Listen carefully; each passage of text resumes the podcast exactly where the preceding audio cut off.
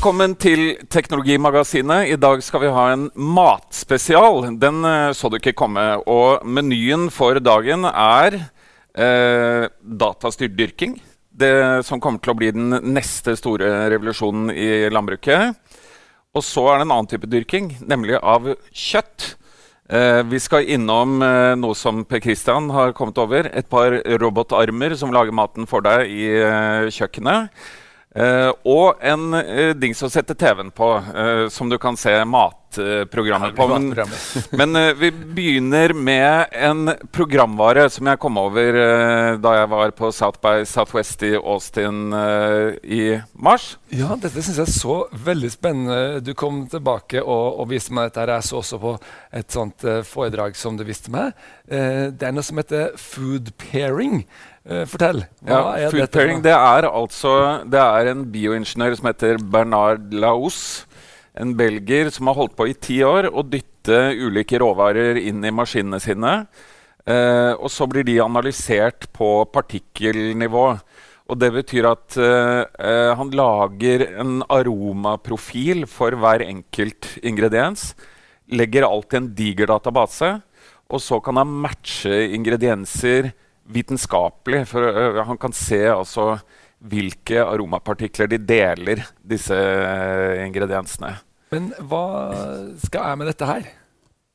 Eh, også, vi er jo ofte litt lite oppfinnsomme når vi lager uh, mat. De fleste lager, uh, lager, det samme om og om igjen. egentlig. Har kanskje fire-fem ulike ting de, de, kan. Det kjenner meg igjen. ja, men de fleste gjør det. Ja. Uh, så det er egentlig et sånt inspirasjonsverktøy. ikke sant? når du går ut og spiser, hvis du går på en veldig god restaurant, så får du ofte de litt sånn rare kombinasjonene som du aldri liksom ville tenkt at kom til å fungere i det hele tatt. Men de funker. Og det er jo da fordi at disse kokkene har brukt masse, masse tid og krefter på å prøve seg fram eh, og kombinere ulike ting. Så denne programmeren kan egentlig gjøre uh, dette uten at du trenger all det, den prøvingen og feilingen da, for å komme mm. frem til uh, Så du blir litt sånn superkokk uh, sjøl, liksom? du blir egentlig ikke superkokk. uh, og det er litt uh, svakhet med, med, denne programvaren. At du, du, lærer jo ikke å, å lage mat. Du lærer ikke hvordan du skal steke kjøtt. Eller, den sier noe om hva et godt måltid bør inneholde. På, altså, at du skal balansere grunnsmakene, da, som er salt og surt og søtt osv. Men programmeren gjør ikke det. Ikke den, den, bare setter Nei, altså, sammen Det som virker på meg altså, som svakheten, er det, det er jo morsomt at man kan få originale eh, kombinasjoner, men likevel, balansen kan jo ikke gjøre. Fordi eh, det er jo også forskjell på hver enkelt ingrediens i forskjellige tider av året, f.eks. Mm. Altså, en tomat er jo virkelig ikke en tomat. Det er jo så enormt stor forskjell. Uh, så hvordan kan det her fanges opp? Nei, denne altså, programvaren viser jo da frem f.eks. Uh, eh, ulike typer jordbær. Uh, som har litt ulike smaksprofiler og ulike typer tomater og sånne ting. Så du fanger opp noe der. Men én ting det er egentlig litt uh, viktig å få frem. Det finnes en gratis uh, versjon på foodpairing.com. den inneholder ganske lite. Sånn at uh, hvis, du, hvis, du, virkelig skal få den store databasen å velge fra, så må du betale for det. Det var ganske dyrt, var det ikke det? Det er litt dyrt. Ja. Det er, uh, det, hele pakka, det er på en måte kjøkkensjef-versjonen. Den koster 3500 i året ca. Ja. den jeg gikk for, koster 1000 kroner i året. Så det er ganske Selv det var litt stivt. Men hvis du, klart, hvis du bruker dette her ofte, da, så Eh, så I forhold til hva du bruker på mat, så blir det ikke så mye. Neida. Men, um, men ja, du syns det var så bra så at du betaler 1000 kroner i året for dette? her? Jeg måtte jo det for å finne ut hvor bra det var. uh, men du kan, få, du kan, få, teste, faktisk. Her er en, en ting jeg har uh, brukt food pairing til. Yeah.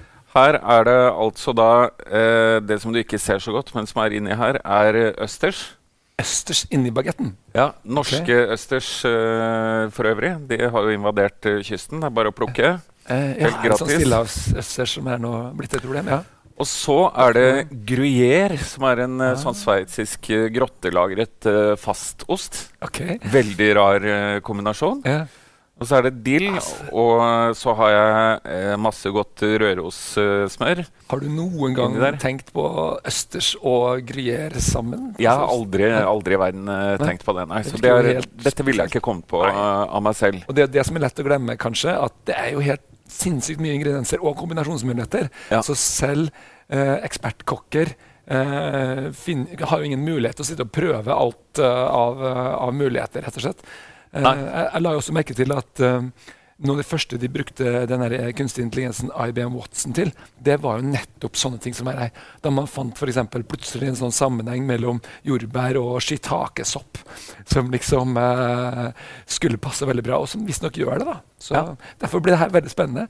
Ja, ta en bit, så kan du se hva du syns. Det er ikke sikkert du liker det. Jeg må passe på å få en bit av, også av østers inni her da, et eller annet sted. Det, det er jo også eh, en ting den programmeren ikke tar høyde for, selvfølgelig. At det er jo litt forskjellig hva folk liker. Ikke sant? Så, Mm. Men det er i hvert fall eh, I teorien så skal eh, dette her Må prøve en bit, altså. Hvordan er det? Helt topp! Er det rart? Helt topp. Mm. Mm. Hvordan smaker det? Det var ja, Hvordan skal jeg beskrive dette her, da? Det var akkurat som østers og gruyère. Nei, altså det var, eh, det var overraskende Det var en overraskende smak. Det var veldig mye sånn punch i det. Mm. På en måte Selv om kanskje ikke ingrediensene er så veldig sterke, så ble det wow, en sånn skikkelig smakopplevelse smakopplevelsen som gir litt sånn løft. da. Mm. Eh, Her er jeg også lagt til til en sånn skvis med, med sitron da, for å gi Ja. det syre. For det Mm. mangler den hvis du ikke gjør det. Mm. Nå fikk jeg lyst til å ta resten av lunsjen her. Ja. mm. ja, hvordan fikk du til eh, dette her? Og du har også prøvd andre kombinasjoner Uh, som, uh, Ja, som er litt sprø. Jeg gjorde en uh, test. Den skal publiseres i Mat fra Norge om ikke så lenge. Det er, Vi kan se det her. Det er lammekjøtt, chèvre, som er da er en uh, hvit geitost, jordbær, lakris og ruccola. Slå den. Og så har du da uh, eh, flaskegresskar uh, som ligger eh, her, da. Så måten det funker på, er at du, du begynner med en ingrediens. Og så sier du at uh, jeg vil ha en grønnsak som passer til dette. Så får du en svær liste og noen sånne symboler som indikerer hvor mange eh, aromapartikler de deler. Så hvor sannsynlig er det at eh, dette passer veldig godt Så eh, liksom, du får en score, da. På en måte, eller noe sånt noe. Ja, Hvor, hvor bra akkurat den ingrediensen Ja. vil matche. ja, Et sånt enkelt visuelt uh, symbol, egentlig. Jo større den grønne rundingen er, jo bedre matcher det. Og så legger du til en ting, og så tar den da høyde for at det er de to tingene når den skal matche neste ting, osv. Men du får ikke noe oppskrift. altså. Du får bare smakene som skal passe sammen. Så du må Ja, Ja, akkurat. du får det, men eh, det er også en del av er programvaren der som er ferdige oppskrifter. Som Ja. uh, ulike kjøkkensjefer som de samarbeider med, uh, har lagd med food pairing. Okay. Så Så du man, kan også få og, og man kan jo gjøre sånn som jeg uh, gjør da, hvis jeg har ting i kjøleskapet og føler meg veldig eventyrlysten, noe som er ekstremt sjelden. men, men hvis jeg gjør det, så er det bare å punche inn i Google. Så får du opp en oppskrift som inneholder de tingene. Ja. Er det en bra tilnærmingsmåte, eller uh, hva syns du? For, Ja da, for den som ikke ja, har da, en og det, det gjorde jeg også uh, her. Du kan jo se på det ferdige resultatet der. Det ble jo eh, til at jeg googlet for å se hvordan lager jeg best eh, salaten, som ligger til venstre der. Det er da ruccola og jordbær og en sånn chèvre og fløtedressing. Eh, hvordan lager jeg flaskegresskar best mulig? Og hvordan eh, lager jeg det til lammekjøtt? ikke sant? Ja. Så, så litt googling uh, må til for å finne ut av hvordan du skal lage det. Dette er jo bare gøy for matnerder og foodies. Jeg så på nettstedet du kunne krysse av hvis du, hva du var for noe. Hvis du var foodie, så, var, det, så var du liksom med i Ja. det gode selskap. Ja. Men, men jeg tror, uh, for å være ærlig, så tror jeg ikke dette er liksom for alle. Det er for folk som er uh, ordentlig interessert i mat, og som vil bruke tid og penger på mat, og syns det er en fin ting å, å gjøre. da. Det som jeg kan si nå, etter å ha prøvd det her, i hvert fall, er at det har noe for seg. Det har noe for seg. jeg blir litt sånn Wow, det her får jeg lyst til å prøve. Og det er litt sånn innafor rekkevidde òg. Jeg gjorde en sånn liten test her. eh, eh, gikk inn en gang og så bare kikka over det, og da ser du at de foreslår å sette sammen um, uh, gulrot, eh, uh, sitron og laurbærblad. Laurbærblad. Ja. Ja. ja. Altså, det var sånn det hadde jeg ikke, eh, ikke tenkt på akkurat det. Eh, men det er ganske enkel ting å gjøre. Så ja, jeg får litt lyst å, å prøve på dette her. Og så, blir jo gjestene imponert, eh, selvfølgelig. Ja, ja, ja. Men jeg kom over en annen ting i Texas som jeg bare må fortelle om Ja. når vi først sitter her. Og det er dette med dyrking av mat. For der, der skjer det en svær revolusjon nå. Og det handler jo da om å skape kunstige miljøer eh, hvor du kontrollerer eh, temperatur, luftfuktighet. Eh, du dyrker helt uten jord. Eh, bare i vann, som inneholder eh, de næringsstoffene som du vil at plantene skal få. Eh, lys er eh, kunstig, osv. Ja, dette er veldig fascinerende. Jeg mener at dette kalles hydroponics. Hydroponics, ja. Hydroponikk, kanskje på norsk. Jeg vet ikke hva det er på norsk. Ja. Men det er altså det å dyrke uten jord. Da. Bare, du tilsetter bare vann, og så gir du en slags oppløsning av mineraler og sånn som planten trenger. Mm. Uh, Og så lufter du røttene også, for det kan ikke ligge i vann hele tiden. da. Oh, ja, ja, så går det litt opp Ja. og ned. Og, ja, masse teknologi her. En annen Ja. viktig ting her er også det at um, man har nå fått sånne LED-lamper som krever veldig lite strøm, Mm. og likevel kan regulere sånn at det gir forskjellige typer lys. Mm. Og akkurat det som denne planten trives best i, uh, f.eks. Mm. Um, for et sånt sted som du var innom, var heter Local Roots, var det ikke det? Ja, de, de eh, hadde en eh, container i eh, Texas eh, som, som var eh, klar for salg, egentlig. De, de bare skipper dem ut som en container, bokstavelig talt. Og den kan stå eh, hvor som helst. Du bruker 95% mindre vann enn eh, ved konvensjonell eh, dyrking, for alt, alt bare sirkulerer. Eh, du bruker veldig lite energi.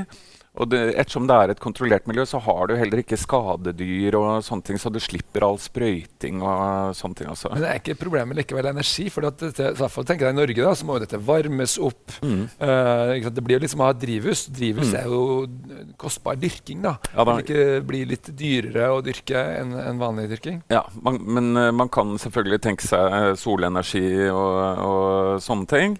Eh, men man må huske på at du slipper jo også transportetappen her. Ja. Og det er egentlig det som er nøkkelen her. ikke sant? For, eh, for maten du kjøper i butikken i dag, den er, den er jo eh, altså Salaten du kjøper, kan jo være transportert fra Israel eller fra eh, Portugal eller eh, hvor som helst.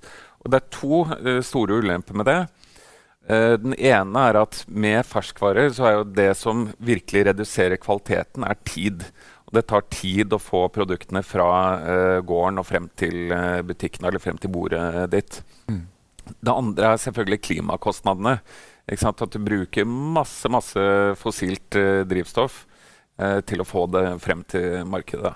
Så her kan man se for seg at eh, restauranter eller eh, eh, butikker eller hva som helst dyrker sin egen eh, mat. ikke sant? Ja, jeg har faktisk veldig stor tro på det her. Et viktig poeng er altså i en sånn skip, Det høres jo helt sånn latterlig ut på en måte at du skal få plass eh, nok i, inni en sånn container. Men altså, Mm. i en container så er det da 16 mål.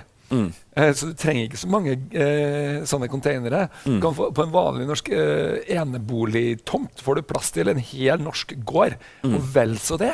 Um, og, og hvis du tenker deg at du er da en, eh, et eh, kjøpesenter eller um, en restaurant, eller sånt noe, um, man kunne hatt dette rett utenfor byen Mm. og bare fått det helt ferskt. Mm. Selvfølgelig eh, er det mye attraktivt her. Selv om det er litt dyrere å dyrke, så er det virkelig noe som har eh, et stort potensial. tror jeg. Så dette tror jeg kommer til å se, kommer til å se mye av. Og tenker sånn, Problemet med, liksom, med planeten her er jo at liksom, den er for liten til så mange mennesker vi er. Det får vi stadig høre. ikke sant? Men tenk om vi kan klare oss med eh, en hundredel av plassen omtrent, sånn som egentlig er eh, saken her. Altså, så plutselig så, så er ikke det en begrensning lenger på samme måten. Og hvis det også kan gjøres på en bærekraftig måte, som det her tyder på, så eh, dette det kommer til å forandre landbruket. Man, hva med Hva med kulturlandskapet? Kom ja. landet til å gro igjen. Liksom. Hva skjer? Men vi, vi har roboter til å ta oss av eh, Sånn at de kan- de kan ta, eh, Sånn robotgressklippere. De kan uh, gå rundt der. Men uh, MIT i Boston uh, de har et eh, stort prosjekt som heter City Farm. eh, og Caleb Harper som leder det, han eh, mener at dette her er eh, en, en form for dyrking som kan konkurrere med konvensjonelt jordbruk i løpet av bare et par år uh, nå. Ja. Sånn at eh, det skjer. Men jeg har fortsatt ikke hørt Bondelaget snakke om det. Nei, og De har heller ikke snakka om en greie, et sånn foredrag som jeg var på, eh, på den Slush-konferansen i Helsinki. For det er også dyrking. Det var dyrking, men det var dyrking av kjøtt.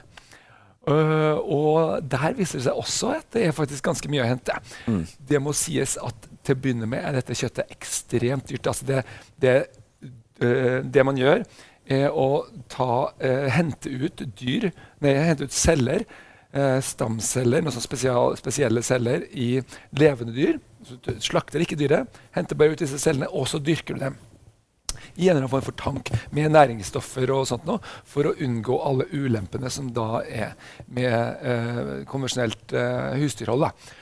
Og et selskap da, som heter Memphis Meats, eh, de har liksom gått i gang med dette. her. De har akkurat eh, for noen dager siden laga verdens første kylling. De har laga verdens første kjøttbolle for en eh, stund tilbake, og, eh, som, er, som er da dyrka utelukkende i et laboratorium. Og de sier da eh, den eh, første eh, halvkiloen med kylling koster 9000 dollar. Så vi er, vi er et stykke unna at eh, dette kommer i butikken. Men det interessante her er at det kommer ikke på markedet liksom, eh, via eh, den, de som kanskje ikke er så nøye på kvaliteten.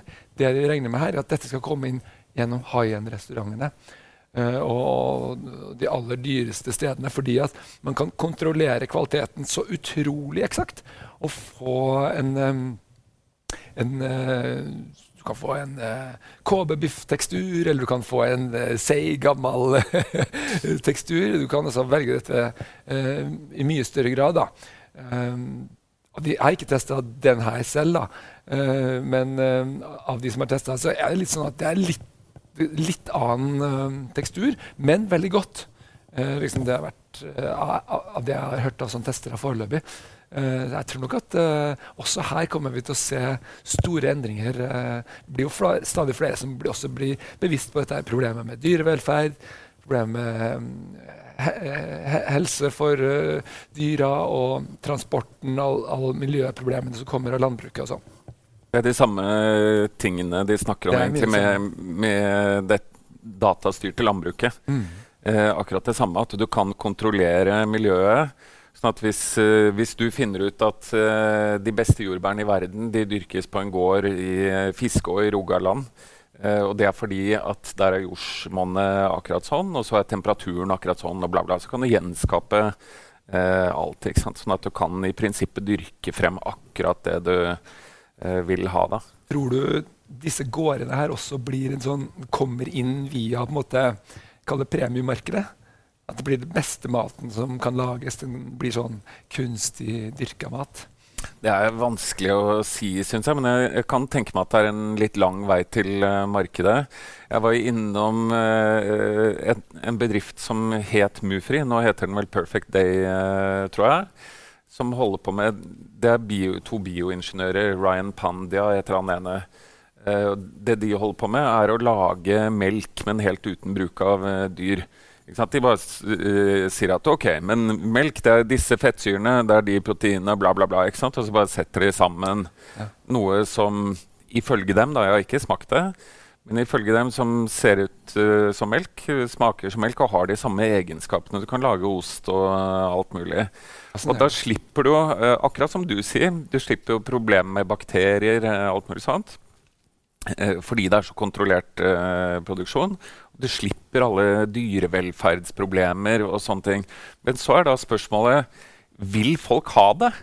Eh, hvis, du får, hvis jeg hadde gitt deg et glass eh, melk, eh, kumelk, og et glass med Perfect Day-melk, som jo egentlig ikke er melk, for det kommer jo ikke fra en ku, hva velger du da?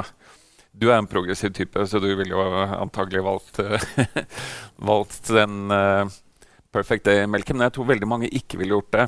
Bare fordi at uh, det, du vet at det ikke hvis det, hvis det smaker helt identisk? Fordi, ja, fordi at det er ikke ekte. Mm. Ikke sant? Eh, og akkurat når det gjelder mat, så tror jeg veldig mange er konservative og vil ha liksom, det autentiske. Ja, uh, tenker de ikke på at det autentiske bare er en illusjon og ikke fins og sånn, da? Ja, jo, ja. Den autentiske rocken har aldri eksistert, mann. og så er jo landbruket sånn som det er nå, er jo også kontrollert og veldig langt fra det naturlige. ikke sant? Så... Mm. Men uh, det er litt moralfilosofi og mye rart inni den diskusjonen der. Men det foregår enormt mye det på matproduksjon. Vi har enda flere eksempler, faktisk. Fordi, eh, apropos det autentiske, en av de som eh, selger inn eh, bestemors eh, bolognese som en autentisk rett, det er et selskap som heter Moley. Og de skal allerede neste år ut med det som ser ut til å være den første roboten som skal lage mat eh, til eh, eh hjemmet. Det er rett og slett to he hender som bare henger ned over disken, eh, som vi ser her, og som da lager maten. Og eh, attpåtil jobber de nå med en måte å vaske opp på. Eh, som den skal ordne for deg, rett og slett. Um, Men det ser ut som tull. Det, det ser ut som en sånn Petter Smart uh, altså, Dette ser faktisk ut som tull.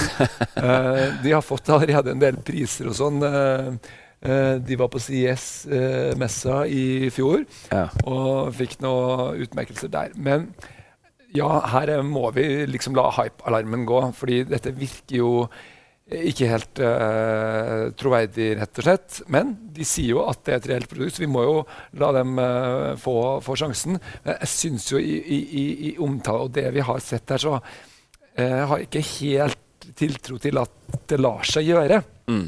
Men grunnen til det er at jeg, jeg, jeg, tror absolutt at dette kommer. Det er bare kanskje ikke akkurat neste år. Mm. det du ser her som er grunnleggende problemet, det, det de har prøvd å gjøre, det er nemlig å gjøre det samme som man har gjort i bilfabrikkene i alle år. De har fått en ekspertkokk til å stå og lage en rett på ekspertvis. Uh, akkurat som man gjør i en bilfabrikk, så har man en ekspertmekaniker eller en sveiser. Så, så trekker de bevegelsene. Ja, og så trekker de, og så lager de et eksakt reproduserbart miljø. Eh, som det, det, jo er i en bilfabrikk. og Det er derfor det funker så bra med en robot i en bilfabrikk. Det som er Problemet med dette her er jo at det er basert på samme idé. Og mat er ikke den samme hver gang, dessverre. Mm. Den skal jo da være basert på at du skjærer opp maten øh, øh, på forhånd og kutter opp og vasker den og sånne ting. Mm. Uh, så det gjør det jo noe lettere. Men allerede der aner vi jo at det er jo faktisk en del, stor del av jobben. Uh, ikke sant? Um, så her er, mangler noe fundamentalt, nemlig den feedback-loopen som en kokk har. Mm. Og den her vil du heller ikke kunne smake på maten og sjekke er det passe salt. Uh, mm. Som er helt sånn basic ting som veldig mange selv, til og med her, finner på å gjøre. ikke sant? Um, så at du skal få dette til å bli like bra som det en ekspert det, det selges inn som at nå skal du, liksom, du få uh, Bocuse-type kokker uh, på kjøkkenet ditt. ikke sant? Mm. Um, det, det, har jeg ikke særlig mye tro på. Men at det kommer om en stund, når mm. vi får bedre sensorer og, og sånn type maskinlæring, eh, det har jeg veldig tro på. Men så, men så, er det jo det med mat også, at uh, mat er mye mer enn bare akkurat det du putter i munnen. Uh, at mat er også matlagingen og fellesskap og uh, liksom, eh, det, det, er ganske sånn dypt forankret i kulturen. Altså, jeg er litt usikker på om det, Nå er det den kokken som snakker. Ja, eller en matinteressert. da. Ja, en matinteressert mm. er jo veldig interessert i å spise mat, og så mm. veldig interessert i mennesker. Mm. Som sitter rundt bordet. Og det å sitte rundt et bord det er absolutt det mest fantastiske eh, som skjer i mitt liv. Mm. Enten det er familien eller med venner eh, på restauranter. Hva det er. Det er helt fantastisk. Ville ikke jeg invitert litt flere hjem til meg? F.eks. på en hverdag. Hvis jeg kunne få en maskin til å servere og ordne det klart, ville ikke jeg mm. da kunne gjort det i stedet for å bare bestille takeaway en dag og bare ta det i farten? Terskelen blir lavere? Ja, terskelen blir lavere. Altså, jeg ser for meg en stor revolusjon på dette feltet her. Og gleden ved å uh, lage mat den vil jo ingen ta fra deg For det lystbetonte kan jo alltid bevare, man kan jo alltid gjøre det. Men i de tilfellene selv du Joakim, har av og til ikke den tiden du skulle ønske du hadde hatt til å lage mat. Og jeg tror at dette her er noe som vi kommer til å se enormt mye av. Det er bare litt tidlig uh, akkurat ennå. Mm. Men, jeg, men, jeg er usikker på om det blir de, de, der, jo, de robotarmene. Jo, men se på de hendene. De hendene ser ikke troverdige ut. Men se på denne videoen uh, vi har her fra Right Hand, som er ute med et uh, produkt som um, nå er i stand til å plukke alt mulig forskjellige ting i sånne varehus. og sånn er dette beregnet på. Det er en robot som i motsetning til disse som, i, som vi har hatt sett i alle år, på eh, bilfabrikker er i stand til å bare plukke opp hva det skal være. En oppgave som utrolig enkelt for et menneske og utrolig vanskelig for en robot. For disse tingene er så forskjellige, og det er vanskelig for å få grep om hvordan det ser ut. sånn. Men nå har altså sånn kunstig intelligens, maskinlæring, kommet inn og gjort det mulig da, å gjenkjenne millioner av forskjellige objekter og være litt sånn som vi mennesker er. Litt sånn tar det på skjønn. Litt sånn fussy, og så klemmer du, og så, ja, så har du det i hånda. ikke sant? Dette, går, dette, er ikke vanskelig i det hele tatt for oss, men hånda er en utrolig avansert ting. Og det det her viser, er at en hånd som kan gjøre veldig mye forskjellig, f.eks. For holde i en matvare, eller i alle mulige forskjellige matvarer, den er nå nært forestående. Mm. Ok, jeg er skeptisk. Du er skeptisk? Jeg er, ja. jeg er ikke skeptisk. men ok, uh, vi uh, går snart inn for landing, men først skal vi se på Vi skal jo snart spise opp det der. Så, ja, ja, det gleder jeg meg til, faktisk. Men det skal vi vente til etter sending med. Men uh, først skal vi se på en dings, ikke en liten dings, men Nei. en dings som kan løse noen lydproblemer i TV-stua. Ja, dette er jo når du skal se på matprogrammene dine, da. For det er selvfølgelig bare det de kan brukes til så har vi, vi måtte ta inn en uh, ting på test, eh, for den kom denne uka her. Og jeg syns at dette her er såpass nyskapende at det er verdt å trekke fram. Dette her er noe som kalles for Sonos Playbase. Og det er en, som du ser, en plate som er helt annerledes enn tradisjonelle For det vi kjenner, er jo sånne Uh, Sonos har selv noe som heter playbar, men det kalles gjerne for soundbars. altså sånne plank, Lydplanker som du setter under TV-en. For mm. å løse det store problemet som er med våre fantastiske nye skjermer. De har dårlig lyd. Mm. De er så tynne at det er ikke plass til høyttalere. Mm. Uh, og det fører til at det blir vanskelig å oppfatte lyden. Eksempel. Bare en helt vanlig TV-serie er det ofte også er, så er lyden gjerne på moderne TV-serier de er miksa så bra, så avansert. Så du klarer jo ikke å få med deg hva som sies. Uh, er det det som skjer her? Jeg trodde bare jeg som begynte å bli gammel. ja, nei, det er, er TV-ene som har blitt dårligere? Ja, okay, det er ja, hvis, den kombinasjonen da, gjør at nå må vi jo ha på mye mer teksting. I hvert fall må jeg det. Uh, på grunn av dette Hvis jeg ikke sitter og har den superanlegget klart. da. Men så er det jo, dette er også som, et, som er så populært kalles for wife acceptance faktor. ikke sant? At ting må jo ikke bli for stort. Og det er jo mye av grunnen til at folk gidder jo ikke å installere eh, sånne svære høyttalere i hjemmet sitt. Og da har Sonos gjort noe lurt. De har tenkt ut at ok, under TV-en der er det plass. Enten en, på en hylle, eller du kan også sette TV-en oppå den her. Eh, og så har de gjort noe veldig smart. Inni her så ligger det faktisk en sånn subwoofer. Mm. Den har da en, lager du sånn slangebevegelse? Den, den har en sånn, sånn slalåm utfor, utforma som en sånn Så det er en høyttalermembran som ser ja, sånn ut? Den forma som en slalåmrute. Wow. Ja. For at den skal bli lang nok, mm. og også kunne være tynn nok. For det er det som egentlig er problemet her. Skal du ha bass, så må mm. det være langt mm. og, og stort. Og det er helt sprøtt hvor bra lyd synes jeg, du kan få ut av denne veldig tynne og ganske akseptabelt utseende dingsen her. da. Mm. Men er denne tykk nok til at det høyttalerelementet kan vandre nok da, til å lage noe bass? Ja, det, det, det, det måte, elementet er på en måte pressa sammen, og, og, så har man en lang vandring mm. i, på, på, grunn av dette. I hvert fall mm. så er resultatet at um, vi, de som vil ha seg noe, syns jeg, da, etter min smak, er jo ikke, lyd, uh, er ikke audiofil, men jeg har skikkelig, to skikkelig ordentlige hifi-høyttalere under min TV i modernariet mitt. ikke sant? Mm. Nettopp av den grunnen her, da. Mm. Uh, men jeg vil si, også, mens, uh, mens, i stua, der det må se litt mer ordentlig ut, der, der, har vi ikke det. ikke sant? Mm. Uh, og uh, Kjøre det, minimalisme der, det er litt mer sånn minimalisme. Nei, Mm. det den er jo ute, da. Men ok, det er iallfall ikke masse høyttalere. Mm. Det er liksom ikke godkjent, da. For, akkurat for den typen bruk så, så tror jeg at det her har uh, mye for seg. Mm. Uh, og så er det sånn at det er faktisk såpass bra, stor lyd på dette her, at dette holder til en fest. altså. Mm. I hvert fall En TV-fest? Nå har jo ikke jeg så mange fester. men, men, Jeg har ikke så mange TV-fester, jeg. Nei, ikke så mange TV-fester. Men, Jeg jo, å invitere en ti-tolv kompiser jo, på lørdagskvelden. men, men her Se på gullrekka. Nei, men dette er jo ikke bare en TV-høyttaler. Okay. Det er jo like mye en vanlig eh, Sonos-høyttaler Mm. som gir en hel masse lyd og gir deg alle strømmetjenestene all, eh, liksom, som, som Sonos har. da. Mm. Eh, så det er jo veldig mye eh, forskjellig å hente ut av dette. Kan si, ulempen er at den ligger litt høyt i pris. Den ligger på rundt eh, 7000. eh, som uh, jo er eh, ganske mye. I lydplankeland så er det ganske mye det er ganske mye også i lydplankeland, men man skal se dette, og du får jo også en veldig bra sånn litt høyere Sonos-høyttaler. En high-end-høyttaler deres koster 5000 type. Mm. Så dette er jo dyrere enn det, men det er også løser på en måte et problem. Så ja, det er et problem med den høyere lyden, men eh, jeg liker dette her. Jeg har litt problemer med, med oppsettet. Den har en sånn eh, veldig avansert sånn true sound-greie. Du går rundt og måler lyden i rommet, og skal den sette opp det sånn eksakt sånn som lyd, akkurat ditt rom er. Det fikk jeg ikke til å funke her. Uh, men ellers så uh, var dette her nå Rent bortsett fra at det ble litt dyrt, da.